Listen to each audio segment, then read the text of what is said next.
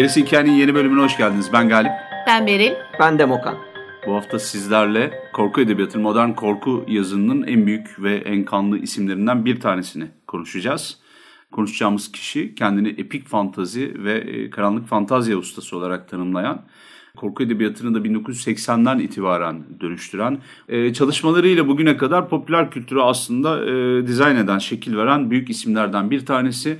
Bugüne kadar yapmış olduğu çalışmaların içerisinde yazmış olduğu kısa öyküler, kısa öykülerinden uyarlanan filmleri yönetmesi, arada bazı bilgisayar oyunları hazırlaması ve hazırlatması, öykülerini yazıyor ve e, tasarımlarını yapıyor olması. Tartışmalı ve modern bir e, tasarımcı aynı zamanda ressam olması, fotoğrafçılığıyla da ayrı şekilde e, konuşulan bir sanatçıdan bahsedeceğiz. Benim e, kişisel olarak da büyük bir hayranı olduğum Clive Barker bu haftaki konumuz konumuz.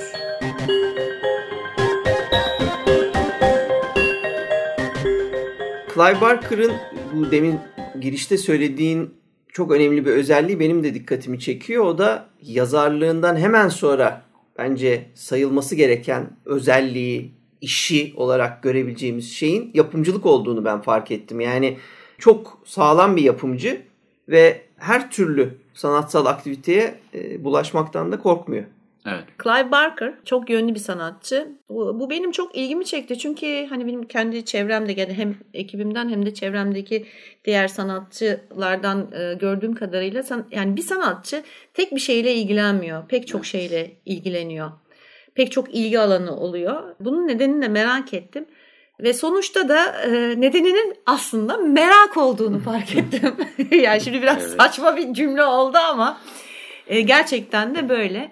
Merak doymuyor. Hayal gücü çok fazla olduğu zaman o hayal gücünü beslemek e, gerekiyor. Bunun için de en güzel besin aslında bilgi ve ilgi. Şimdi e, herkes çok ilgili aslında ama piyasa ve çevremiz genelde Türkiye'de de çok sert bir şekilde yaşanıyor bu şimdi anlatacağım şey. Genelde insanları geriye çekmek ya da belli bir hizada bir kalıpta tutmak üzerine. Çok doğru. Etrafımıza çitler örülü olarak ya doğuyoruz ya da e, zaman içerisinde bu bunun örülmesine biz kendimiz müsaade ediyoruz. Yani yazarsan yazar kalıyorsun. Aynı zamanda gidip bir şeyler çizmeye çalışmıyorsun mesela. Haddin değil oluyor. Ondan sonra ya da müzikle uğraşmıyorsun. Ya da hani bilgisayar oyunu yapmaya niyetlensen Clive Barker'da olduğu gibi. Yani otur bok yeme derler. Ee, ya da film çekmesini. Abi sen ne anlarsın ki film çekeceksin falan gibi. Yani herkes bir e, hater vaziyette bir durdurur. Yani ne geleceğiyle alakalı bir e, şeyi beklemeden, ortaya çıkacak işi beklemeden. Bu adam da zaten kendine Rönesans man diyen tiplerden. Yani bayağı hiçbir şey umurunda değil tamam mı? Ben yaptım oldu kafasında biraz. Yani 25 tane şey yapıyorsa 15 tanesi çalışıyor büyük ihtimalle. Ama bu daha iyi değil evet, mi ama? Çok iyi. Hiç denememek de iyi. Beril düşünsene bizim bütün hayatımızı gözümüzün önünden geçirelim. Dinleyenler de aynı şekilde. Yani nerelerde neyi kısıtladılar, nerede önümüze geçtiler, ne kadar bizi kısırlaştırdılar, hadım ettiler yani. Uzaklaşacaksın öyle insanlardan. Evet. Evet yani demin Galip'in dediği gibi Rönesans adamı diye bir terim var zaten. Bu özellikle Rönesans'ta işte ortaya çıktığı için var olan aynı anda hem matematikçi hem ressam hem yazar hem yok e, mühendis hem astronomiyle ilgileniyor filan.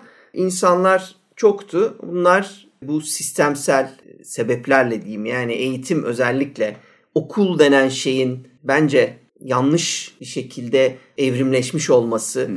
böyle etkilerden dolayı öyle bir kutunun içine sığacak hepsi birbirine benzeyen yan yana durduklarında sorun çıkarmayacak olan insancıklar üretmeye çalışan bu sistem tabii ki birden fazla şeyle ilgilenmenizi de istemiyor. Zaten onu yaptığınız zaman da sizi dışlıyor. Bunu ben Doğru. kendi adıma birebir yaşadığımı Doğru. da söyleyebilirim. Yani birden fazla şeyle ilgilenip hayatım boyunca abi işte bak bir konuda profesyonel olacaksın. Bir konuda mükemmel olacaksın. Diğerlerine neyse filan deyince çoğunlukla zaten o konuda anca özellikle Türkiye'de yaşadığımızı da düşünürseniz yani ya profesyonel olacaksın ya da öleceksin gibi bir noktaya geliyorsun. Yani yandan da öbürünü yapmaya falan vaktin olmuyor. Bizde öyle bir seçenek yok. Yani Mühendissen mühendis kal. her şey yani her neyse ne olup o arada da işte bir evlen, çocuk yap filan derken Sonsuza kadar mühendis yaşadılar.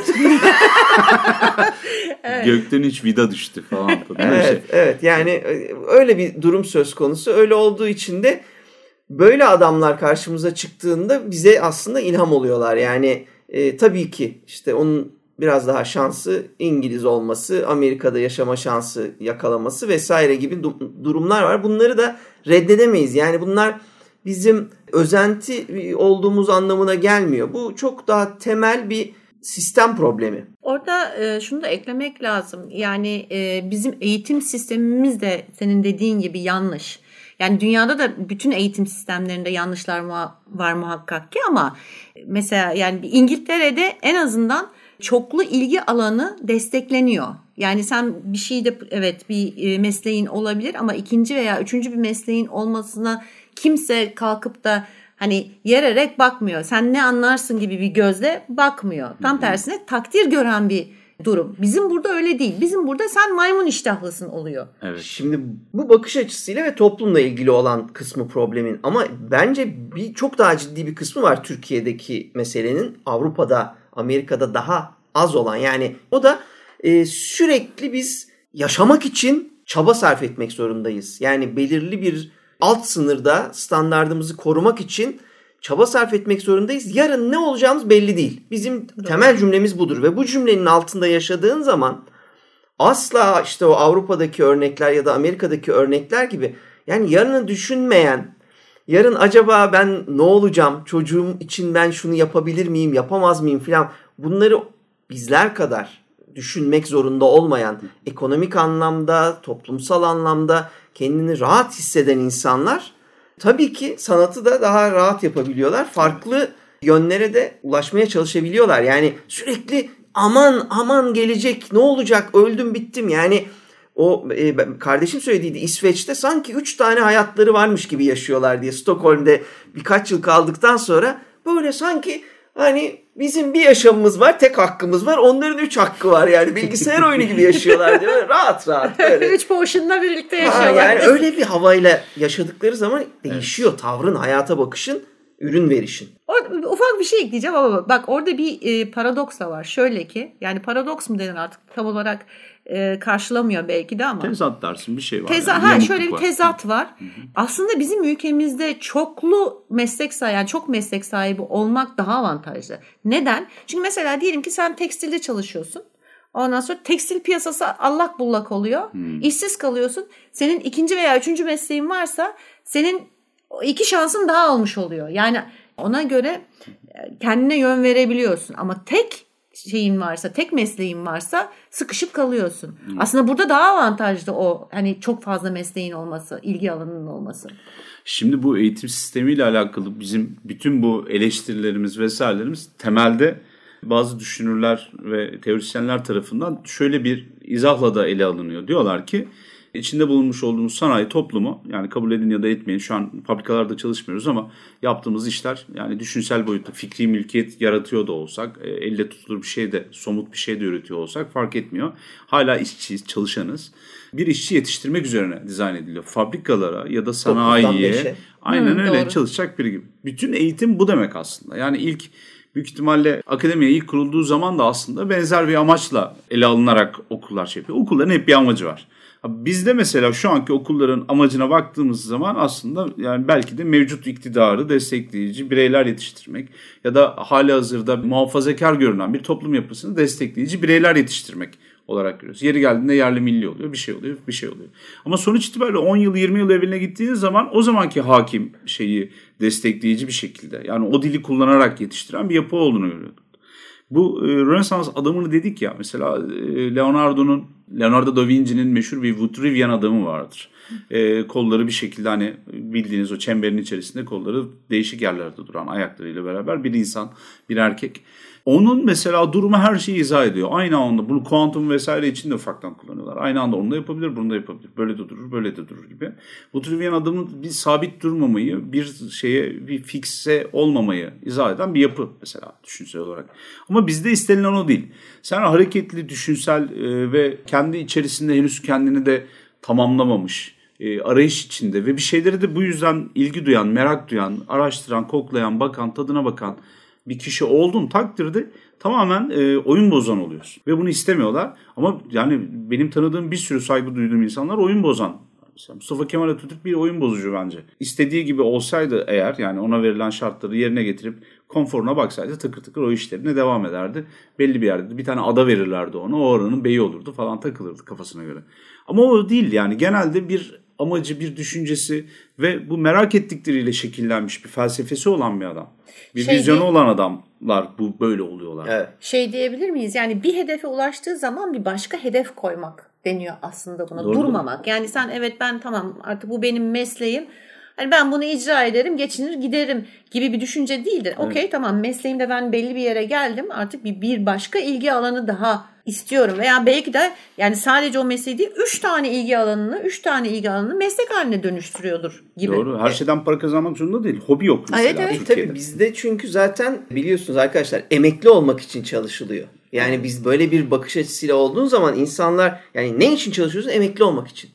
Nasıl ya? Yani çalışmamak için çalışıyorum. Nasıl yani? Bunun bir örneği daha var biliyorsun. Hatta iki örneği var. Roma'da asker aldıkları zaman öyle kısa dönemi falan yok. kısa dönemi 15 sene olabilir. 25 yıl askerlik yapıyorsun. Askerlikten kurtulmak için askerlik yapıyorsun yani. Anlatabiliyor muyum? Bir gün asker olmamak için. Ve bu sonuna kadar devam ediyor. E bizdeki de farklı değil ki. Bizden bir kuşak öncekiler 25 senede SSK'dan emekli oldular. Çok büyük bir fark yok yani. Bir tanesi Ağustos dönemi lejyonundaydın belki. Bir tanesinde de işte atıyorum bir yerde işçi olarak SSK'lıydın yani. Evet.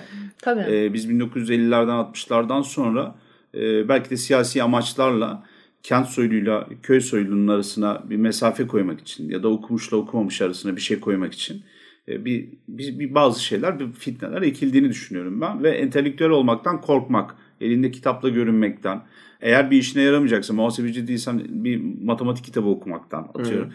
Bir utanmak gibi bir durum oldu. Üzerine şarkılar yazılmış bir şeyden bahsediyoruz. Entel aşağı, entel yukarı diye 90'larda o sert ve e, acıtıcı mizahıyla dalga geçilen şeyler oldu. Şimdi entelektüel olduğun zaman durmuyorsun ki bir yerden para kazan, diğerinden kazanma. Önemli değil. Önemli olan bilgi, zevkli olan evet. o zaten. Evet. Ve ben çok iyi mühendisler biliyorum ya da doktorlar biliyorum. Bunlar çok iyi müzisyenler aynı zamanda. Bestekarlar. Ve şaka gibi baktığın zaman diyorsun ki abi yani nasıl aynı toplum e, nasıl hem bunları hem bunları yetiştirebilir diye şaşırıyorsun. Karmaşık bir durum.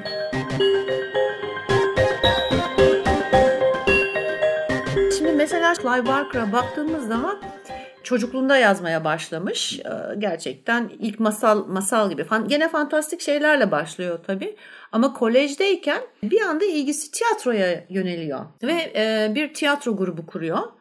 Hydra Theatre Company diye. Hı hı. Daha sonra bu Dog Company olarak değişiyor ve geliştiriyor kendini. Yani profesyonele dönüyor e, firma ya da tiyatro grubu öyle söyleyelim. Oyunlar yazıyor bu grup için ve sahneleniyor ve sahnelendiği zaman da e, gerçekten e, ilgi görüyor. Yazıyor, yönetiyor, oynuyor bu sırada. Şimdi bunun yazar üstünde de yani e, bunu yapabilmek ayrı bir şey. Ama yazarlığı seçmiş biri için de çok büyük avantaj aslında tiyatro. Yani yazılı bir parçayı e, canlı bir performansa dönüştürebilmek çok zor bir şey. Yani herkes şey gibi düşünüyor. İşte tiyatro ne olacak? Hani kitabı yazan tiyatro oyunu da yazar. işte opera da yazar bilmem ne de. Yok böyle bir şey. Yani tiyatro oyunu yazmak çok farklı. Senaryo yazmaktan çok farklı. Kitap yazmaktan çok farklı. Kısa öykü yazmaktan çok farklı. Barker'ın bunu yapabiliyor olması aslında en başından onun görsel olduğunu gösteriyor. Evet. Bana göre. Yani görsel yazar dediğimiz türde bir sanatçı. Evet. Zaten ressam olması, e, aynı zamanda tiyatroya ilgi duyması, daha sonra film, e, işte video oyunu vesaire gibi şeylere de bulaşması bunu kanıtlıyor bir Şimdi, açıdan. Doğru. Yani ama şunu da karıştırmamak gerekiyor. Şimdi kapitalizmin falan en çok pazarladığı şey insanları umut. Bir şeyleri sen de yapabilirsin. Sen de bunu giymelisin. Sen de böyle yazabilirsin. Sen de böyle filmler çekebilirsin diye dayayarak en son geldiği yer 2006 yılından sonra Web 2.0 üzerinden YouTuber'ların vesairelerin geldiği şey. aslında onun da bir kişiye bir umut, bir şey yapabilme hissi, özgüveni pazarlanmasının da yaratmış olduğu bir durum var. Şimdi herkes Clive Barker değil tamam sen de yapabilirsin de yani sen fazla yapma mesela. Yani Clive yaptığı zaman hakikaten 18 yaşında tiyatro oyunu yazıyor. Hepimiz bir uğraştık. Benim 14 yaşında 12 yaşında denediğim öyle komik e, slapstick tadında şeyler vardı. Komik işte 3 perdelik büyük ihtimalle de ortaokul 2. sınıfta arkadaşlarla beraber öğretmenin desteğiyle oynanacak oyun yazmıştım var mı? Var. Tiyatro ile alakalı daha sonra da haşır neşir olduğum şeyler var. Tiyatrocu arkadaşlarım var ayrıca da. Tiyatro yazarlığı, tiyatro eleştirmenliği, oyunculuğu, sahne şu bu acayip derin şeyler bunlar. Ve yani eminim ki güzel sanatların belki içinde tam sayılmıyor bir tek şiiri alıyorlar. Ama sanatların içerisinde en derin ve en kurumsallaşmış hem de kuramsallaşmış işlerden bir tanesi tiyatro. Öyle herkes oturup da bunu yazamaz. Zaten beceremezdi. O diyalog falan yazmayı ya da hani bir sahne tahayyül edip onu kağıda aktarmayı ve bunu da insanları ikna edip oynatmayı başarmak bu, bu yetenek meselesi. Gencecik yaşta. Bir de şu var yani normal bir e, oyun sergilemiyor. Yani Pamuk Prenses sergilemiyor bu adamlar. Hmm. Odaklandıkları şey anti tiyatro dedikleri bir şey. Yani tamamen tiyatronun o şey kalıplarından e, çıkan bir sahneden bahsediyoruz biz. Bir de 18 yaşında Aynı çocuk zamanda, ne zaman girdin kalıba? ya bir de şey var Grand Guignol esintisi var Tabii, oyunlarda. Bir de şeyi kaçırmayalım zaten. Yine e, devrim zamanlarına da denk geliyor onun 18 yaş şimdi 52'li değil mi? Yani 52'li. Öyle yani Kaç? 68 70 falan orada yani Hı. böyle tam her türlü deneylerin vesairenin Avrupa'da da çok yüksek olduğu bir dönem. Yeni bir şeyler evet, deneyelim. Postmodernizm geçmiş artık zirve yapmış. Hani şeyini artçılarını hissediyorlar. Öyle bir dönem. Bir de gay Yani belli bir noktaya kadar gizlemek zorunda kalıyor. Çünkü çalışan bir kesimden geliyor. Evet. Yani çalışan bir aileden geliyor. Öyle hani geçmişinde bir zenginlik veya bir sanat. Yani sanatçı var annesi resim yapıyor. Hatta ressam diye geçiyor ama ben bir yerde ressam diye gördüm. Geri kalan yerlerde ev hanımı diye gördüm. E, babası... Resminde görmedim ben bu arada. Yani hiç karşıma da çıkmadı. Evet ben de şey. aynen öyle ama hani gerçekten çiziyordur. Belki sadece kendi için çiziyordur. Hmm. Yani sergilenmemiştir ve ressamdır, doğrudur. Belli ki bir yerden ilhamını veya yeteneğini almış. Ama şu var, öyle bir çevreye baktığın zaman bazı şeyler vardır. Yani bazı mahalle baskıları vardır. Yani zannetmeyin Türkiye'de vardı, başka yerde yok mu? Her yerde var. Dünyanın her yerinde mahalle baskısı var. Tabii. E, uzun süre kendini gizlemeye çalışıyor. Kendi kafası da karışık. Yani lisede falan bayağı bir sıkıntı yaşıyor. Evet. Ama gördüğüm kadarıyla üniversitede e, Liverpool Üniversitesi'ne gidiyor. Daha böyle o tiyatro grubuyla, oyunlarla, işte yazdığı kısa hikayelerle falan onu aşmaya başlıyor. Ondan sonra belli bir noktadan sonra da açık olarak homoseksüel olduğunu beyan ediyor. Evet. İngiltere sen daha iyi biliyorsun böyle oralı olduğun için. İskoç'um ben. İskoç. İskoç. Yani İngiltere dünyada görebileceğiniz en muhafazakar yerlerden bir tanesi ve bunun sebebi de aslında modernitenin içerisine e, gizlenmiş katı bir muhafazakarlığı olması. Ada ya onda. Yani adada durmamışlar ki herifler adada. Yani her yere bulaşmış pisler. Ya bir, her yere bulaşıyorlar da kimseyi adaya sokmuyorlar yani evet, biliyorsun. Ya şimdi şey var çok ahlakçı şeyleri var yöneticileri var vaktinde. Ahlak çünkü çok iyi bir e, yapışkandır. Toplumu bir arada tuttuğu gibi yeni bir şeyi de aradan sızdırmaz. O yüzden de işlerine geliyor. Çok kolay birilerine terör vasıtasıyla yani terör burada bir korku, dehşet yaratmaktan bahsediyorum. Bir kaygı, endişeyle bir düşman yaratarak bir arada tutmak kolay. Siz işte dışarıya çıkmayın gece karanlık olduğunda başınıza iş gelir dediğinde zaten olay bitiyor yani. Çocuklarını zapt etmek için atıyor. Buna evet. benzer yöneticilerin ya da kralların ya da kraliçelerin elinde de şekillenmiş. Viktoryan ahlak diye bir şey var. Bir yüzyıla damgasını vuran bir kraliçeden bahsediyoruz. Bunların olduğu yerde 1900 bırakın 1950'leri 60'ları 1980'lerin ortasına kadar ahlak o kadar şey ki e, güçlü ki yani İran İslam devriminden iki tık falan daha şeydir sakindir. yani sokakta elinde değnekli adamlar yok ama mesela porno dergi satışı yasak. Muzır Neşriyat ya da Video Nestis sınıfına giriyor. Adam zaten eşcinsel olduğunu söyleyemiyordu uzun zaman. Hı hı. Öyle gidip topluma açıklayamazsınız. Filmleri, evet. kitapları falan çıkıyor da hani kendisi de gaymiş falan hadiseleri 1985'ten sonra rahat diyor birazcık evet. ortam. Evet. Soru cevap kısmında falan soruyorlardı bunu. Bir tane video röportajına denk geldim. Orada da video nesti aslında sizin yaptığınız sert dehşet şeyleri yapıyorsunuz. Zaten cinselliği kullanıyorsunuz. Ne demek ayıp değil mi falana getiriyor gencecik insanlar.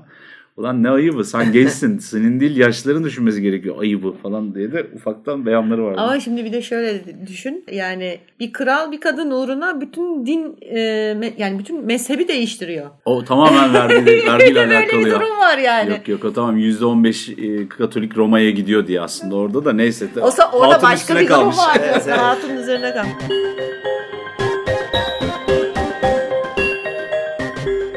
Ben bir de bu şeyden etkilendim. Bu anneyle babayı ben bir gördüm bir belgeselde. Ee, onlara da sormuşlar 90'lı yıllarda. Ve Clive Barker'ın tabii bu cinsiyetle olan kısım değil, yarattığı şeylerle bu özellikle bu vücut korkusu, body horror üzerine yaptığı şeyler, çizdiği garip çizimler, yaratıklar, işte vahşet, dehşet bir sürü şey var. Orada yani müthiş bir şey böyle içi ısındı adama anneyle baba böyle oturmuşlar dediğin gibi böyle tomtiş bir hani iki insan e, anne böyle işte. e, bir kenarda arkada o duvar kağıdında çiçekler böcekler karanlık tam klasik İngiliz evinde falan böyle.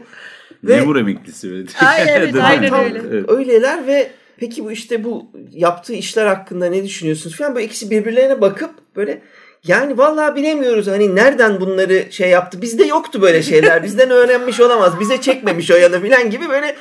Yani bana da çok tanıdık geldi. Çünkü ben benim konuşulmayan çıktığında bizimkiler de öyle çok bayağı böyle hani vallahi bunları nereden buldu bu çocuk bilmiyorum. Bizim evde hiç konuşulmazdı böyle şeyler diye böyle hani o... Bizim ailede manyak yok kime çektiyse. İlk kime çektiyse muhabbeti. Kendisi de Clive Barker'da yaşamış yani evet. yarattığı şeylerin o garipliği, dönemin dışında olması, vahşet e, barındırıyor olması baya böyle bir yani nasıl baskı görmesin? Yaptığı şeyle de baskı görüyor büyük ihtimalle. Yani. Ya bir de bunlar çok yumuşak baskılar. Yani e, sopayla değil yastıkla tabii. dövüyor ama gene de bir şey var. E, zaten önemli olan dayak yemek değil. Dayak yeme korkusudur her zaman için. Terördür yani. Burada da aynı şey var. Bu baskının içerisinde çok zor. O zinciri kırıp atacaksın da oturup hem e, cinsel kimliğini e, bulacaksın, tespit edeceksin, yaşayacaksın. E, eserlerini ona göre oluşturacaksın. Kimseyi dinlemeden içinden ne çıkıyorsa onu yapacaksın. Başka bir tarafı var abi. Şimdi bu çocuk 21 yaşında galiba. Çocuk diyorum burada yani. 21 yaşındaki Clive'den bahsediyoruz. Çocuk evet. dedi. 21 yaşında bir çocuk olarak gelip Londra'ya yerleşiyor. Yol bilmez, iz bilmez. İşte Liverpool Üniversitesi'nden vesaireden işte kolejden falan mezun olmuş. Gelmiş tiyatro grubuyla bir bağlantısı var. Ondan sonra 8-9 sene boyunca işsizlik maaşı alıyor. Ve onunla da gidip bir işe gireyim, bilmem ne bir şeyler yapayım falan noktasında durmuyor. Nasıl ki Poe acından öldü Lovecraft gibi. O kendisi de aynı yolu tatbik ediyor. Oturuyor günler ve gecelerce bir tane de sponsoru var tabii destekçisi, sevgilisi. Oturup şey yapıyor, kan kitaplarını falan yazıyor. Taslakları çıkartıyor, tiyatro oyunları yazıyor. 25-26 yaşına kadar. Ve o kendini geliştirdiği süreç içerisinde de toplum dışı Kimseyi dinlememiş. Bak Clive böyle yazarsan tam zamanı. Young Adult yaz sen abi falan. Bize geliyor ya. Evet. Yani kızmasınlar bana tanıdıklarım ama çok akıllı zannediyorlar kendilerini. Hiç para vermeden sadece akıl veriyorlar. Yani e, işe yarıyor olsa vermez kimse onu da söyleyeyim. Diyorlar ki sen niye cinli bir şey yazmıyorsun? Bak her tarafta filmler çekiliyor cinli. Siz de yazın parayı bulun. Oldu. ya Anladın çok mı? kolay zannediyorlar. Evet. Yani bu şey değil ki tabii ki elbette bir yazar yani gerçekten yaratıcı bir yazar her türde yazabilir. Ama onun hikayesi olması lazım kafasında. Yani ısmarlama yazdığın bir şeyden çok fazla bir şey beklememen gerekir diye düşünüyorum bir de ısmarlama ben. dediğin şey Galip'in dediği gibi yani para verirsen ısmarlayabilirsin. Ha, evet ha, yani evet yani. Profesyonel yani. yazarlık öyle şey. Neyse şunu söyleyeceğim ama mesela hiç e, şeyini bozmadan istikametini ya da aklındakini başkasının lafını dinlemeden de kendini bilerek kendini araştırarak oturup yazmış mesela. Ben bu örneği cin örneği için vermedim. Mesela Türkiye'de bütün dünyada olduğu gibi akımlar zaman içerisinde gelir. Bazen e, bazı yönlerden ceryan yapar ve o istikamette de bir şeyler oluşturur. Yani piyasa o konuda bir yükselir. Mesela 2000'lerin başında Yüzüklerin Efendisi'nin kapıya yüklenmesiyle e, fantastik ve özellikle diğer fantasy, high fantasy tadındaki biraz daha orta çağ andıran bu Arthurian e, şey en kısası bin sayfa şeyi. olan evet, kitaplar. Evet tuğlalar bunlar yükseldi. Bu, o kapı açıldı anlatabiliyor muyum? Oradan ceryan yapmaya başladı mesela. Oradan geldi. Herkes 2007-2008'e kadar takır takır bunları yazdı falan. Ama şunu da ben mesela hani biz tabii bunu sürekli söyleyip duruyoruz. Hani evet bir furyaydı geldi geçti. Gene e, eserler veriliyor ama eskisi kadar çok rağbet hani böyle Doğru. şeye hücum eden yani tanzime hücum eden e, halk şeklinde değil de. Canım millet kuyruğa girmiyor yani kitapları almak Ha. için. Ama şunu da düşünüyorum ben. Mesela geçen gün onun, onun farkına vardım. O dönemde büyük ihtimalle herkesin kafasında bir hikaye vardı. Fakat ciddiye alınmayacağını düşündüğü için onu kendi içinde saklıyordu. Ne zaman ki bunun ciddiye alındığını, basılabildiğini ve okuru ve hatta fanları olabildiğini gördükleri zaman bunu dışarı vurmaya başladılar. Bu kadar yoğun olmasının sebebi bu bence. Bir de internet devrimi var tabii. Orada Tabii. bloglar bloglar kolay bir şekilde internet üzerinden yazma Organize ihtimali olundu. çıktı. Yani onu anında hiçbir yayıncıyla muhatap olmadan dünyaya sunma ihtimali o sanki şeydi o, o günkü bakış açısı öyle bir şeydi başlarda. Yani sanki televizyona çıkmak gibiydi orada. Kendi web sayfanı yaptın mı bütün dünya böyle 70 milyon bizi izliyor hani o zaman.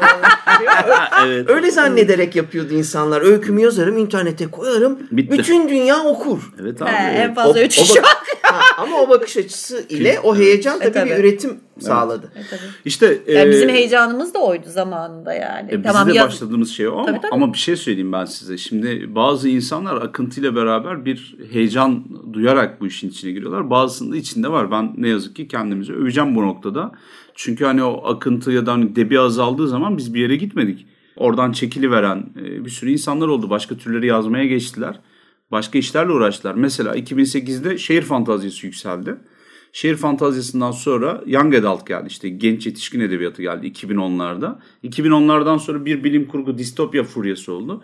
Şimdi günümüzde de birazcık daha karanlık korku e, temalı ya da hani karanlık mizaçlı hikayeler anlatılıyor falan falan. Bunların olduğu yerde benim tanıdığım yazarlar arasında kendi hikayesine odaklanan e, az kişiden ikisisiniz öyle söyleyeyim.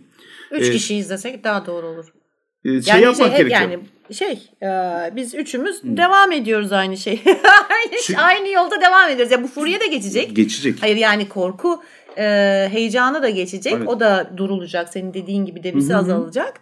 E, gene biz yazmaya devam edeceğiz aynı şekilde. O debi azaldığında Evet. tekrar bir yükselecek belki ömrümüz yeterse gene aynı orada olacağız yani. O neyi yazmak istediğinle istediğinle alakalı. Hı hı. Yani senin içinde ne hikaye ne? O hikayeyi o mesela internet döneminde de aslında aynı şey vardı. Yani bizim anlatmak istediğimiz bir hikaye vardı ve bu hikayenin okuyucuya ulaşabilmesi için ki bir yazar için en büyük nimet okuyucunun eline geçmesidir, okumasıdır. Evet. Ee, daha kolay olabildiğini gördük. Yani illa basılması gerekmediğini oraya koyduğumuz zaman insanların okuyabileceğini gördük. Bizim Evet. için en büyük nimet o olduğu için zaten değerli oldu. Şimdi şeyi bir ayıralım tabii e, günübirlikçi böyle denize girenlerle sörfçüleri ve hakikaten de kanal yapıp kendi kendine o dalgayı yaratanları ayıralım. Şimdi bir kısım insan gerçekten sırf hoşuna gittiği için e, ve önünde de imkan olduğu için bu işlere bir girdi. Var olan hikayesini fantastiğe çok çeviren gördüm ben mesela. Yani şehir fantazisi anlatacak bütün dinamikler vesaireler bunun üzerine kurulu. Ama öyle yapmak yerine tut eline bir kılıç tutuştur, omzuna bir pelerin at. E ne oldu? Bir anda şey oldu, fantastik bir şey oldu. Yani e, high fantasy bir esere dönüştü. Dönüşmez ki. Senin kahramanın öyle düşünmüyor. Öyle hissetmiyor. Öyle krallık diyorsun ama herifler demokrat. Ne olacak? Yani anlatabiliyor muyum? Bu incelik, teknik işleri görmüyorlardı. Bir de sörfçüler vardır. Bekleyip bekleyip yüzyıllardır hiç kendini bozmadan korku ya da fantastik yazanlar, dalgayı bekleyenler. Elin kolunun altında tahta, sörf tahtası. tamam mı? O dalga buraya gelecek gözüyle bakanlar var. İşte hani alıp koşup bir anda tam o en sevdiği dalganın yükseldiği zaman da tepesine çıkan, zirveleşen ya da hani zirve olmasına gerek yok. Çok satmasına, bir şey anlatmasına da gerek yok. Tadını çıkara çıkara tatlı tatlı işini yapan.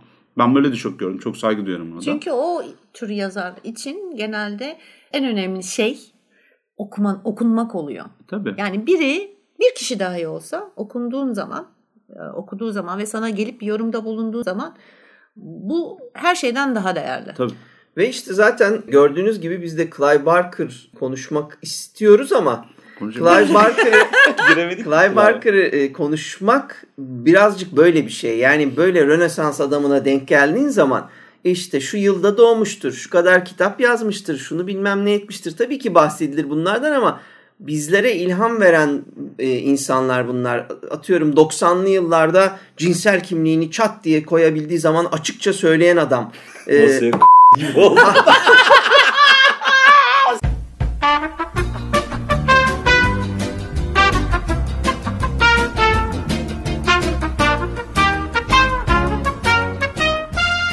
Ve bunu hiç her şekilde yani hem işte kişisel hayatını da açıkça ortaya koyuyor İş hayatında da hayır bu iş böyle yapılmaz şöyle yapılır diyenlere kusura bakma ben bunu böyle yapacağım diyebilme cesaretini Ya, göstermesi. Tabii tabii. Sen kardeşim yazar mısın, filmci misin, tiyatro yönetmeni misin, nesin Kimsin diye, sen? ha, diye soranlara ben hepsiyim diyebilecek cesareti gösteren ve bunları gerçekten genç yaşında yapan yani 40 yaşına gelmeden önce bütün bunları ortaya çıkarmış, yapmış, yapmaya başlamış ve bir noktaya gelmiş. Bu tabii işte dediğim gibi biraz sistemle, yaşadığı yerle, kendi cesaretinin yanı sıra. Cesaretin Tabii, tabii. çok büyük payı, Ha, payı var burada yani. evet. Ya bir şey de söyleyeceğim tabii. Biz bu adamı övdük. Ondan sonra kendi yaşantımıza paralellikler kurduk. Bunun da sebebi aslında benim kendisinin büyük bir hayranı olmam. Ve e, bu hayranlık da bu da karşılıklı bir şey. Yani O da sana hayran diyeceksin. keşke bir gün inşallah. Yok şöyle karşılıklı. Eğer o adamın vasıfları benim aklımdaki e, vizyonla, ufukla buluşmamış olsaydı düşünce yapısıyla zaten böyle bir şey kurmazdım ben de. Herhangi bir bağ oluşturmazdım kafamdaki gibi. Ee, ben Cronenberg bölümünde mesela direkt olarak söylemiştim. Hepimiz tabii ki King'ciyiz, Kunst'cuyuz falan eyvallah. Ama e, bana sorarsanız beni en çok etkileyen benim yazımımı, e, anlatı biçimimi David Cronenberg'tir demiştim mesela. Clive Barker'dır demiştim. Bunun da sebepleri var. Cronenberg'e de aynısını söylemiştik. O da mesela son derece kendi halinde böyle hani hayatını ve sanatını yaşayan ufku çok geniş bir adamdı. E, İlham verici bir insandı. Başka çok iyi hikayeler koyup ortaya çekilen biri değildi. Hep yaratıcı, hep yenilikçiydi. Devamlı bir şeyler deniyordu. Büyük adamlar. Evet evet. Yani bu işte Hitchcock da öyle. Yerinde durmuyor ki bu adamlar. E, yani Pire gibi diyorsun. tabii tabii merak ediyorlar. Beril dedin yani başında. Adamların o lokomotifi, o benzini, yakıtı e, alıp götüren hep bir merak. Bize öğretmişler işte hani fazla zıplamayın, her yere gitmeyin, şunu yapmayın, bunu Toz yapmayın. kaldırmayın. Olay bütün çocuklukta başlıyor. Zıplayıp toz kaldırmayın da. Tek dedikleri aslında şu tamam mı? Kafamızı karıştırmayın. Anında da yapıştırıyorlar. Maymun iştahlı diyorlar. Senelerdir bir şey ürettin üretmedin diyorlar. Oydu. Ya daha ne yapalım abi? Bakıyorum evde ben mesela bir tane öykü kitabı çıkartabildim solo. Ama 6 tane falan kitap çıktı. Ve bizim düşüncelerimizin ya da çalışmalarımızın korku yazıp ısrar etmemizin sebebiyle oluşmuş bir komünite olduğunu da düşünüyorum ben. Ya bir Yani- de şeyden bakmayacaksın sadece şimdi sen tabii ta- tamamen basılı yayın olarak bakıyorsun. Yaptığın çalışmalar tamam bir tane şey altı tane de kitap diyorsun ama bunun arkasında pek çok öykü var. İnternette işte şeyde kan güncesinde gölgede yayınladığımız daha sonrasında işte dijital dergilere platformlara gönderdiğimiz yani Evet evet. e, hala da bunu yapmaya devam ediyoruz. Neden yapmaya devam ediyoruz? Hem sevdiğimiz bir meslek hem de e, bizim için şey durmuyor, pa- parmak durmuyor, beyin durmuyor yani. Sürekli üretmeye devam ediyorsun. Yani bunların bir kağıt üzerine düşmemesi bunların üretilmediği anlamına gelmiyor. Ya da henüz değerlendirilmemiş gözüyle bakıyorum ben sadece. Evet bir de burada şey çok önemli. Mesela açık konuşmak gerekirse bence sinema anlamında, yönetmenlik anlamında filan Clive Barker bayağı zayıf. Böyle olmasına rağmen vizyonuyla diğer tarafta yazımındaki büyük güçleri sayesinde ve işte bu cesaretiyle Evet. e, bu işe giriyor, bu işi yapıyor ve bırakmıyor da. Yani ya benimkiler işte aslında o kadar da iyi olmadı bu film demiyor. Bu böyle yapılır diyor kafasına koyduğu gibi. Kardeşim yani iyi film çekemiyorsun. Niye ısrar ediyorsun? Tamam, ısrar etme. Ben olsam derim yani. Bir sürü insan da eminim demiştir. Tabii tabii. Ama hayır ben yapacağımı yapacağım. Ayrıca tamam okey zaten dediğim gibi bakıyorum. Yani özellikle yapımcılıkta daha büyümesinin sebebi de aslında bence bu. Yani çok daha iyi bir yapımcı yönetmen olduğundan. Evet. Çünkü Çok çok, daha iyi bir güzel fikirleri var ve bunların profesyonellere teslim ettiği zaman icra etmeleri için daha iyi işler çıkıyor. Abi de herifin burnu koku alıyor bence. Şimdi sanatı görebiliyor olmak önemli. Kişinin Tabii, yeteneğini. Tabii. Önüne bir iş, bir kişi geldiği zaman Desteklediği şey Evet. iyi çünkü Ama ve biliyor da cesa- iyi olduğunu. Yani dediğim gibi şey yine de ben takdir ediyorum. Yani kötü de olsa yani kötü derken çok kötü değil. Yani Hellraiser çok kötü film, Nightbreed fena, Lord of Illusions berbat filan gibi bir şey diyorum zannedilmesin. Öyle bir şey demiyorum ama potansiyellerini dolduramamış. Yani iyi yönetmenlerin elinde olsa Evet. e, çok daha güzel olacak filmler bunlar. E, ama o vizyonunu sunmalıydı. Belki de prodüktör olarak devam edebilmesi için Evet. e, belki de bu vizyonu bir göstermesi ve şekillendirmesi gerekiyordu. Deneyimlemesi E, gerekiyordu. Özellikle e, İçinden atmalıydı. 90'lı yılları evet yani o 80'lerin sonunda başlayan o şeyli makyajla yapılan korku, yavaştan gelen e, bilgisayar efektlerinin ilk adımları filan bunların hepsini deneysel olarak biz Barker filmlerinde görebiliyoruz. Yani bu da cesaretini yine gösteriyor. Ben de dediğim gibi bunu takdirle söylüyorum bu söylediğimi.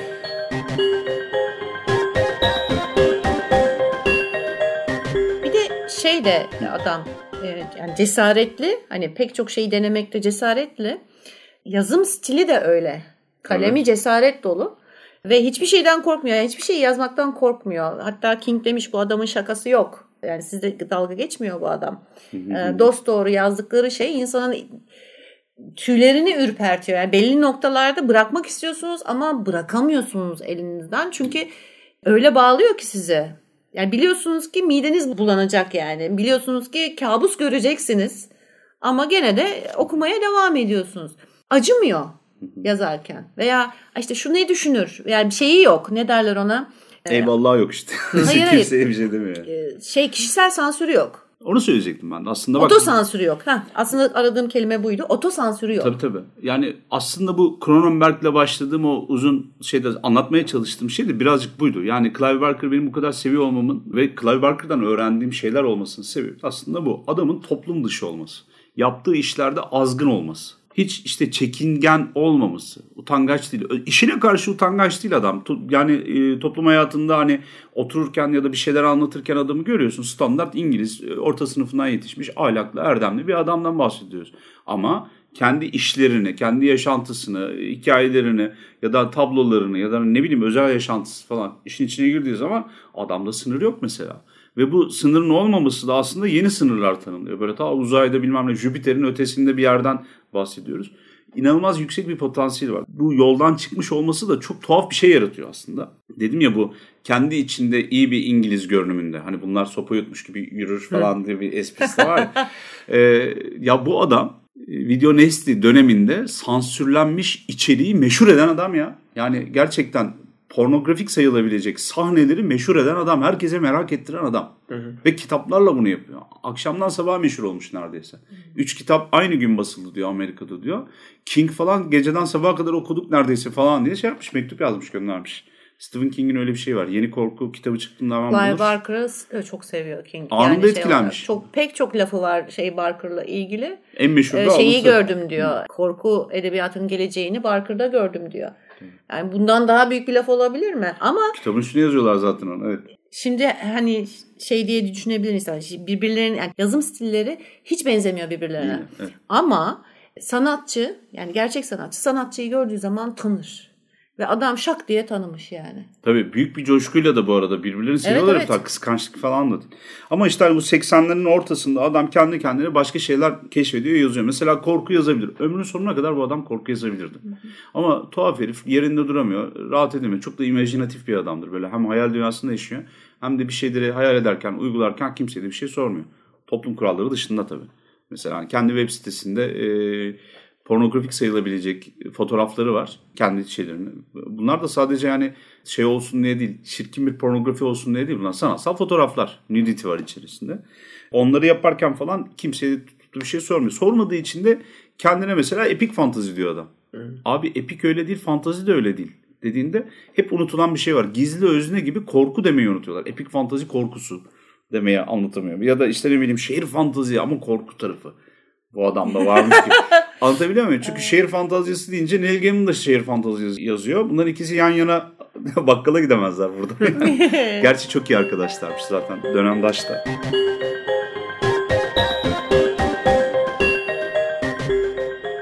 Fotoğrafçı bir sevgilisi var. Bu 8 sene şey yaşadı dedik ya. E, işsizlik sigortasıyla yaşadı dedik ya. O dönemde e, sevgilisi bunu destekliyor yazması için. Ve 3 ay gibi kısa bir dönemde zannedersem 3 veya 4 ay gibi kısa bir dönemde kan kitapların yani kan kan kitaplarının öykülerini Yazmaya başlıyor. yazmaya başlıyor. Ondan sonra bir bitiriyor, tamamlıyor. Evet. Üç kitaptan oluşuyor diyebiliyorum ama 4 şey 4 5 6 da var galiba. sonra. volume, İlk ilk 3 üç ilk volume. 3 volüm var. Ondan sonra 4 5 6 geliyor zaman içinde. Evet. Bunlar e, zannedersem onarlı mı? Sen daha iyi biliyorsun. 10 değil ama yani kan kitapları çok başka bir şey. İleride bir 20-30 sene 50 sene sonra gerçekten e, üzerine makaleler yazılacak bir anlatıdan bahsediyoruz. Yani çok büyük bir lor ve çok az insan ömrünün sonunda oturup böyle seçkiler dizersin. Bir şeyler oluşturursun ondan sonra koyarsın. 1980'lerin başında Clive Barker okuduğu bir kitap ve izlediği birkaç filmin içerisinde diyor ki bir antoloji bir seçki oluşturmam gerekiyor ve neredeyse aklındaki o kafasının içerisinde dönüp dolanan her şeyi bir manifesto gibi korku edebiyatı üzerinden anlatmak istiyor. Yani dışa vurmak istiyor. Çünkü hani sanatın edebiyatında ilk şeylerinden bir tanesi olur. Belki de ilk odur. İfade etmek, kendini ifade etmek. Kan kitaplarını 3-4 ay hazırlık ve yazma süreçleri başlıyor ama toplamda 8 ayda bitiriyor. Hı. 8 ay içerisinde ilk 3 kitap çıkıyor. Yani 3 volüm çıkıyor, 3 bölüm. Kan kitapları toplamda 1985 yılında 84'te yayınlanmaya başlıyor. 85'te bitiyor. Toplam 6 kısım. 6 kitap oluyorlar.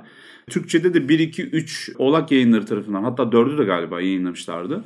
Oğlak yayınlarından yakında arkadaşımız olan Çiğdem Bakırcıoğlu'nun da özellikle sevdiği bir e, yazar olduğundan iyi biliyorum. Oğlak yayınları 3 e, cilt halinde kan kitaplarının bu 3 kitabını bastı. Bu sayede de ben ilk Türkçeyi de orada okumuştum.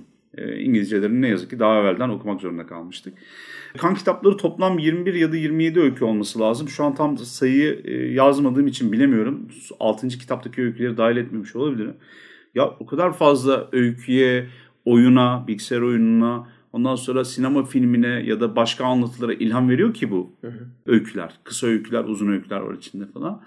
İnanamıyorsunuz ve adam bir anda kariyerinin başında ilk bunu yapıyor. Yani her şeyi ters herif. Birikimin olur, e, bütün hazineni sonunda ortaya dökersin değil de e, baştan ben ilk önce bir hani bir taşlarımı döküneyim Ondan sonra e, gene biriktirmeye başlarım gibi bir durum söz konusu burada. Evet evet saçma sapan bir yaklaşım bana sorarsanız. Çünkü yani daha kendini tanıyor musun? yani dönüşecek misin? Bu da önemlidir. Ömrünün sonuna kadar o mükemmel hikayenin, mükemmel cümlenin peşinde de olabilirdin. Çünkü dönüştüğünü, e, zaman içerisinde hep büyüdüğümüzü, değiştiğimizi, olgunlaştığımızı ya da çocuklaştığımızı fark edemediğimizde e, hiçbir zaman mükemmel şeyi yazmadan ömrümüzün sonuna kadar herhangi bir eser vermeden gidebiliriz. Ölebiliriz yani böyle. E, tabii evet. öyle de var. Mesela evet. çok tek eserli yazar var.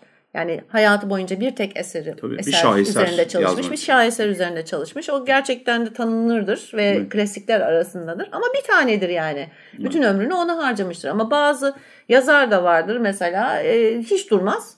Sürekli yazar. Önemli değildir onun yani onun düşüncesinde hani bir şaheser yaratmak değil tamamen kafasını yani kafasındakini boşaltmak vardır.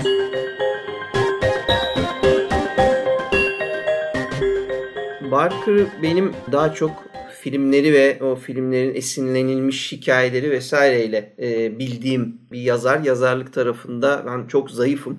Kan öykülerini buraya gelmeden önce biraz e, göz attım. Özellikle dilini en azından e, bir göreyim istedim. Midnight Meat Train'i okudum. Ve şunu söyleyebilirim ki bir kere buradaki en güzel şeylerden yanlarından bir tanesi böyle çok özel bir mesela bizlerde bazen Galip'in demin dediği gibi böyle bir cümlenin peşinde koşma böyle fantazisi falan gibi bir şey ben mesela onda hiç sezinlemedim. Aa böyle sanki konuşur gibi burada muhabbet eder gibi bir rahatlıkla yazdığını fark ettim. Birincisi bu tabii yani dediğim şey en eski öyküleri bunlar ama tabii, tabii. o başlangıç itibariyle bile çok rahat yazıyor. Ve mesela sen demin şeyi söyledin anlatım konuları benzemese de King'le benim gördüğüm kadarıyla tam böyle bestseller dili. O kadar rahat okunuyor ki.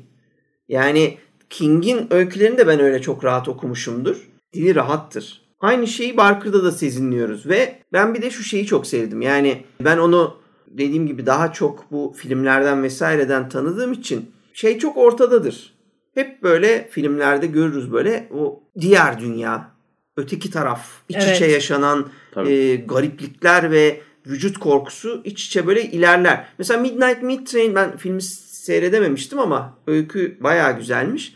Orada da böyle şeyi hoşuma gitti. Yani böyle gerçek dünyada bir hikaye anlatıyor. Filmlerde o yoktur. E, Midnight Meat Train filmi izlemedim o yüzden onun üzerine konuşmuyorum ama sanki baya polisiye okuyacaksın gibi giderken bir anda böyle öykünün sonunda seni tepe taklak edip bambaşka bir evrenle böyle Lovecraftian bir Tabii. dünyayla baş başa bırakıp kalkıp gidiyor.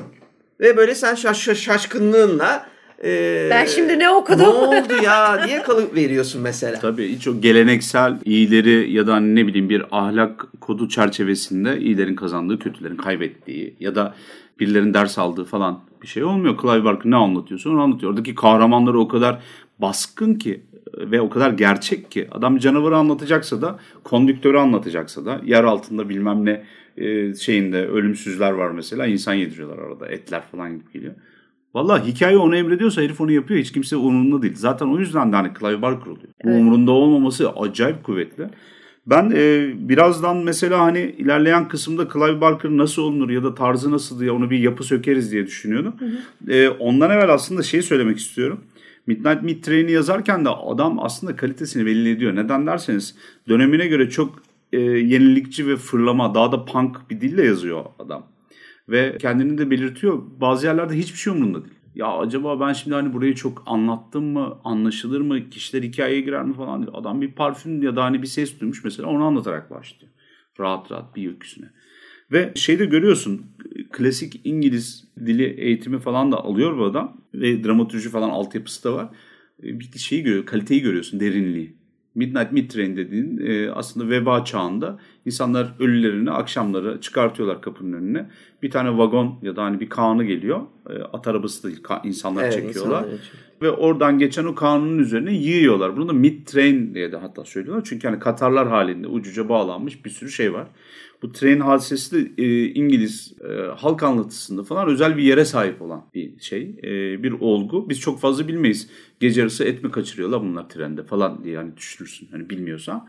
Ama yok adamların böyle bir şey var ve aslında öykü de kendi içerisinde yeni bir modern bakışla beraber bu mitolojik ya da hani efsanevi mefhumu, konsepti alıyor. E, modern dünyada bir daha tanımlıyor. Ve bunu yaparken de son derece acımasız. Kimse umurunda değil. E, işte hani cinselliği de parçalanmayı da insan vücuduna saygısızlığı da tıkır tıkır söylüyor adam. Bir de karakterleri de sıra dışı ve marjinal. Yani sıra dışı derken hani belki de çok gerçekçi diyoruz ki evet bu karakter çok gerçekçi. Gerçekten böyle bir şey olabilir bu karakter. Kötü kötü yani kötü gerçekten kötü. Hani bir iyilik kıvılcımı bile yok. Tabii tabii tabii net. Bunu son derece büyük bir beceriyle yapıyor. Çok da yadırgamıyorsun. Ama bir yandan da diyorsun ki hani karakter gerçekçi ama bunu yazışı sıra dışı. Tabii. Ve bu da karakteri aslında sıra dışı yap veya marjinal yapmış oluyor. Yani gerçekçiliği ben e, bir de şu yani biz, bizde yarattığı gerçek duygusu ayrı bir şey. Burada bence hani e, okumayanlar varsa onu anlamaları önemli. Bizde yarattığı gerçekçilik duygusundan bahsediyoruz. Ha, evet. Ya da bize Yani- inandırması. Ha, bize Ha. İnandırması. E, o onu çok iyi başarıyor ve bunu yaparken de aslında çok yoğun bir şekilde Katolikliği de kullanıyor. Yani Tabii. tamamen Hristiyan terminolojisiyle yaptığı için meseleyi e, her anlatısında bunu görebiliyoruz. Yani evil ve good, iyi ve kötü e, çok bariz bir şekilde birbirinden ayrılıyor. Kötü gerçekten kötü, amaçsızca e, görün yani e, Hristiyanlıkta anlatıldığı şekliyle e, cehennem yaratığı olma mantığıyla e, kötü. E, bunun altında sen çok başka bir şey aramıyorsun. İnsani bir şey aramıyorsun. Çünkü insan değil zaten çoğu bu varlıkların ya da motivasyonları insanlar yüzünden e, şekillenmiyor. Midnight Meat Train'in sonunda da biz böyle bir şey görüyoruz. Yani artık düştüğü durumda kahramanımızın e, iyi bir insan olması, kötü bir insan olması vesaire yani o düştüğü durumda Hiç artık önemli hiçbir değil. şeyin artık önemi kalmıyor. Ya. Artık yapacağı şeyi yapmak zorunda bitmiştir. Evet o kozmik horror işte bu. Yani insan evrenin merkezinde değil bu hikayenin anlatısında. İnsan orada Clive Barker'ın elindeki kamera ya da kalem, kağıt, defteri vasıtasıyla bir izleyici oluyor. Yani sen şahit oluyorsun sadece. Arka tarafta bir şey gerçekleşiyor ve senin hakikaten minimal etkin var. En büyük etkin birilerinin midesini doldurmak oluyor mesela. Filler ve çimenler. Yani evet kimse umursamıyor seni aslında. Sen orada abi benlik bir şey yoksa ben gideyim diyemiyorsun. Ee, Diyeydin çok iyi olurdu. Zımparalıyor zaten evde o kısımları. Neyse şey söyleyecektim ben de aslında. Mesela e, Mitraine'i anlatırken o yani bu anlatırken hikayeyi mesela hiç umurunda olmaması son derece e, küfürbaz ya da kanlı, dehşetli olması da aslında bir yerde adamın dünya görüşünü ya da hikaye anlatısını da bir şekillendiriyor. Clive Barker'a baktığınız zaman aynı şekilde Neil Gaiman daha sonra hani bizleri de çok etkiledi. Şehir fantazisini yaratan birkaç tane yazar var. Bunların hepsinin aslında söylediği şey şu. Yaşadığımız bir dünya var ve yani çok gerçek seni de ikna eden yani yollar kaldırımlar otobüsler işe giden insanların falan olduğu bir Londra'dan bahsediyor. Bir de bu dünyanın altında yaşanan bir dünya daha var. Yani anlatılan aslında Neil Gaiman'ın da aynı şekilde yapmış olduğu bir durum var. Yani yaşanılan bir dünya onun altında gizli ama herkesin e, girip göremeyeceği bir başka gerçeklik var. Orada da bir hayat, bir akış söz konusu. Bir şu araya gireyim bunda şunu söylüyor e, Barker o bence çok önemli, çok e, hoşuma giden bir şey. Özellikle C.S. Lewis'le o kendi örneğini veriyor. Hani onların anlattığı dünyada bir tane dolap var. Dolabın kapağını açıyorsun ve başka bir e, evrene geçebiliyorsun. Böyle bir e, şey var. Bizim önümüzde önce bu var. Bir evren var. Bir, bizim var olduğumuz bir de o dolabın kapısından geçtikten sonraki. Oysa e, Barker'ın anlatısında biraz daha şey birbirine karışıyor. Bir kapıdan geçiş kadar yani belirli bir kapıdan geçiş gibi bir şey yerine zaten e, yaşadığımız dünyada aynı düzlemin üzerinde onun varlıkları da bizimle birlikte var oluyorlar. Sadece sen işte gözünün perdesi açılmadığı için onu göremiyorsun gibi bir anlatıyı da çok öne çıkarıyor. Yani evet. bir anda hiçbir yerden senin e, salonunda belirebiliyor bir Cenobite. E, bunun evet. için ayrıca bir kapıya vesaire ihtiyacı yok. O zaten orada. Doğru. Ki bu bir halıya dokunmuş da olabiliyor. Ya, evet. Halıya dokunmuş bir dünya ve içinde yaşayanlar. Aha. Ee, ya da e, beş, dörtlü beşli e, dünyalar oluyor birbirlerinin arasında işte boşluklar olan. Yani farklı şekillerde yani bu dünyaya koyuyor. Geçici bu dünyaya da koyabiliyor. Ya da araya bir boşluk da koyabiliyor. Evet. Gözünün önünde de durabiliyor. Ee, Kullanıyor bütün senin dediğin gibi gözünün perdesinin açılıp aslında onu görebilmekte. Bu aslında bu sembolizmde adamın tarzını, türünü çok güzel ifade eden şeyler. Bunlar boşuna değil. Yani gene bir sörfçü gibi elinde tahtayla bekleyen bir adam değil. Üçüncü bir kişiden orada bahsedecektim. Onu unuttum. Bazıları da gerçekten doğaya müdahale edip yeterince uğraşıp, emek verip, çalışıp kanallar yapıyorlar ki kendi dalgalarını, kendi su yollarını inşa ediyorlar. Clive Barker da öyle bir adam e, Book of Blood çıktıktan sonra bu kan kitapları e, serisi çıktıktan sonra ilgi görüyor. Amerika'da falan yayınlandığında baya büyük olay oluyor. 1985'te falan haklarını satmaya başlıyor bazı öykülerin. Rawhead Rex ile Underworld, Underworld öyküleri işte hani birer birer filme çekiliyor. Kendisi de yazıyor zaten Underworld'u. Biri 85'te, biri 86'da iki tane bombok filme çekildiğini görünce ulan ben böyle anlatmıyordum. Efektler kötü, ışık kötü, duygu yok Böyle bir karakter yok falan diye. Diyor ki ondan sonra kardeşim kusura bakmayın bundan sonraki filmleri baba çeker. Hiç size vermem ben diyor. İşi, ben, ben, ben daha iyisini yaparım diyor gerçekten tabii, ve daha iyisini yapıyor. Yani yapıyor. benim evet, yani demin nispeten. söylediklerime ha, şey tabii bu ilk iki filmi görseniz. Leş. İnanamazsınız ya. Neden biliyor musunuz? Bak aynısı Stephen King'e de yaptılar. Peter Straub'a da yaptılar. Ee, işte hani Kuntz'a da yaptıkları da o. Korku filmi çekmeyi film çekmek gibi değil belki de ikinci derecede Hı. bir sinema olarak görüyorlar diyor ve o yüzden özenmiyorlar diyor.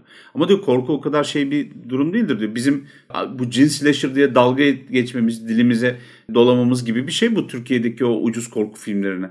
Takılıp duruyoruz yani böyle hatta YouTube kanallarımızı kapattırıyorlar. Ondan sonra burada da aynı durum var. Diyor ki kardeşim kusura bakmayın e, paraysa para, bağlantısı bağlantı. Zaten iddialı bir adam görüyorsunuz. İlk şeyi adamın manifesto gibi bir e, antoloji üçlü, altılı. Oturup kendisi diyor ki Hellraiser'ı ben çekeceğim Hellbound Heart'ı. Oturuyor başka bir öyküden, novelaya geçirdiği bir öyküsünden takır takır Hellraiser'ı çekiyor. İyi mi kötü mü o tartıştır. Ama aklındaki her şeyi yaptığını düşünüyorum ben mesela. Ben de öyle düşünüyorum. Yani en azından kendi kafasındaki hikayenin nasıl yani bu hikayeyi ben bu şekilde anlatıyorum dedi. O kendi vizyonunu koydu ortaya. Evet. Hani başka bir yönetmen hikayeyi okuyup senaryoyu okuyup farklı bir şekilde e, algılayabilir miydi? O da olabilirdi. Ama en azından biz hani her Hellraiser'ı gördüğümüz zaman Barker'ın kafasındaki görüntüyü de görmüş oluyoruz. Evet, evet ve yani zaten yaratıyor direkt kült film kategorisine balıklama dalıyor. Yani onu tartışacağımız bir, bir yanı yok. Hellraiser gibi bir efsane daha yani yaratılır yaratılmaz film olur olmaz. Tabii ki özellikle o dönemde sinemanın da yükselişiyle hikayeden çok daha büyük oluyor filmle birden. Evet. Tabii. Doug Bradley'in oynadığı Pinhead karakteri inanılmaz derecede güçlü bir popüler kültür ikonu haline geliyor. Millet şeyi bilmez mesela. Ne karakterin adını bilir, ne filmi bilir. Ki Hellraiser basit bir isimdir. Cehennemden gelen hu falan diye böyle hemen akılda kalıcı bir şey, bir kelimelik bir şeyden bahsediyoruz. Bileşik bir isim. Ondan sonra fakat yani Doug Bradley'nin oynadığı karakter Pinhead e, herkes tarafından bilinir. Her kostümlü baloda bir tane görürsünüz ya da hani olmaya çalışan bir tane görürsünüz. Bir de tür yaratmış oluyor tabii. O, onun da önemi var. Yani sadece Pinhead değil, e, Xenobite'ların düşünecek olursan doğalarını ve görünüşlerini düşünecek olursan bir iblis türü yaratmış oluyor. Tabii tabii. Yani yepyeni bir iblis türü değil. Ya işte tabii. hani bak iki tane şeyden bahsedeceğim. Bir tanesi bir alıntı kendisinin bir röportajında söylüyor. Diyor ki yani Pinhead karakteri 8 film boyunca diyor insanlara kötülük yapmaktan, ırza geçmekten, birilerini parçalamaktan başka hiçbir iş yapmadı diyor. Ama diyor buna rağmen diyor hala diyor fan mektuplarında bazı kadınlar diyor Pinhead'in çocuğunu taşımak istiyorum diyor. Bana diyor yazıyorlar diyor. Yani diyor, bu kadar olamaz. Toplu diye kendisi- doğarmış. Tövbe Hakikaten ha küçük toplu iğnelerimiz olsun. Yani bu biz olabilirdik diye diye iğne yastığı Evet, gösteriyormuş. diye de olabilir ha. iğne yastıkları vardır yani. Bu Ha, biz kim olabilirdik diye onu gönderiyor. Aynen hakikaten öyle. Ya işin esprisi ama hani kendisinin de bizim Demokanlı Beril'le çok sık söylediğimiz bir tane hadise var. Bu dinleyiciler de hatırlayacaklardır. Kardeşim kötü adamın ne kadar iyiyse o kadar iyi bir hikayen, o kadar etkileyici bir hikayen var demek oluyor. Bu da Clive Barker'da tamamen öyle diyor. Yani ben kötü adam yaratmaya daha çok özeniyorum diyor. Çünkü yani kötü adam tansiyonu, gerilimi belirleyen obje orada Mutlaka ki tabii. en iyi yani ne kadar iyi ve güçlü olduğunu hikayenin diyor kötü adamı belirler. O işte Pinhead de direkt ortaya çıkmış. Cenobite'ı bir şey söyleyeceğim. Bak biraz önce Midnight Meat Train'den bir örnek olarak söyledik gene. Şimdi inanılmaz sembolizm üzerinden tanımlıyor hikayelerini. Muazzam derin hikayeler anlatıyor aslında. Yani mesela Hellbound Heart'ı okusanız eğer kitabına ki çevrilmedi galiba. Belki İtek yayınları bizim Alican e, editörümüz o şey yapabilir. Nedir adı? O galiba bunun üzerinde Karanlık Kitaplık serisinde onu da basacak. Çünkü Doku Dünya'yı bastı Weaver'da. Cehennemin kızıl bir şeyi vardı. o Crimson değil. Gospels o şeyin Hellraiser serisinin Öyle o üçüncü kitabı galiba. Ha o şey. Onu anladım, bastılar evet. ama orijinal Cenobite'ların Onu- falan çıktığı Hellbound Heart'ı göstermediler. Yok. Orada muazzam şeyler anlatıyor. Yani sadece vur kır parçala insanlara eziyet et falan değil. Arzu denilen şeyin zevk ve acıyı nasıl yönettiğini ve aslında bu iki duygunun ya da hani mefhumun aralarında çok incecik bir tülden bir perde olduğunu birazcık zorlayarak o ikisinin arasında gezinerek katlayabileceğini alacağın Evet, zevki e, anlatıyor adam. Yani ve baktığın zaman çok ciddi bir sadomazo metnine falan dönüyor. Tabii. Tamam mı? İş çünkü derisini yüzüyorlar ve adam çıldırıyor zevkten falan. Öyle bir hikayesi var. Şimdi bu derinlik e, çok sevdiği Hristiyan mitolojisinden de kaynaklanıyor. İyiyi ve kötüyü, evreni tanımlamasını mesela direkt dinden alıyor adam. Evet. Hiç gocunmuyor da. Nasıl yetiştirsem öyle diyor. Sembolleri ben ona göre diyor tekrar dizayn ediyorum diyor. Anlatıyor.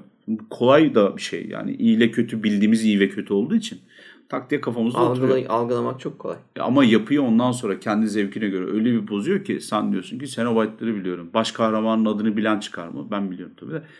İşte Frank amca Frank diyeyim amcayı hatta. diyorsun. Evet. Ama Hellraiser- Frank amcayı bilirsin de kızın adını bilmezsin Ya, mesela. yani. Yo Judith Judith. Judith'ti Neydi bir şey. Lawrence'ın oynadı. Bilmiyoruz işte abi umurumuzda değil. Bu adam da dindar da değil. Bir defa ben de Hristiyanım kardeşim bak hepimiz Müslümanız falan gibisinden bir beyanat olmuş da. tavırda değil tabii. Yok, yani. hayır. değil. O arada kaldı büyük ihtimalle. Sonra da yalanlamış lan ne yapıyorsunuz falan diye. Evet öyle bir şeyi var. Yani evet demiş ilk önce sonra da e, Facebook'ta yalanlamış herhalde. Evet. Yani gene de bizi ilgilendirmez hani neye inanıp neye inanmadığı. Tabii tabii sanatıyla Önemli olan her, sanatı zaten. her yerde benim tekrar etmekten usanmayacağım insanların hayatlarıyla yaptıkları işleri birbirinden ayırmazsanız çok işiniz var. Çok yanlış yaparsınız.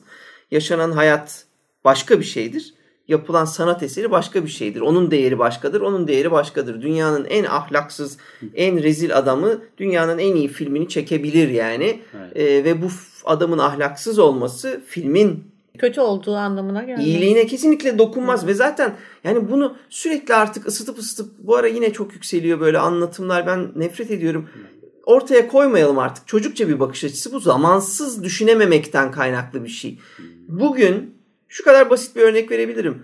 Marquis de Sade'ın yaptığı şeyleri artık hiç kimse konuşmuyor. Üzerinden 200 yıl geçti mi?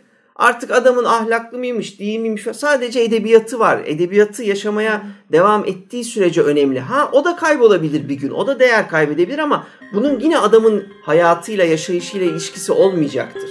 Clive Barker e, sohbetimiz uzadıkça uzuyor. Daha Clive Barker'dan bahsedemedik ama gelecek bölümde belki diye umut ediyorum ben.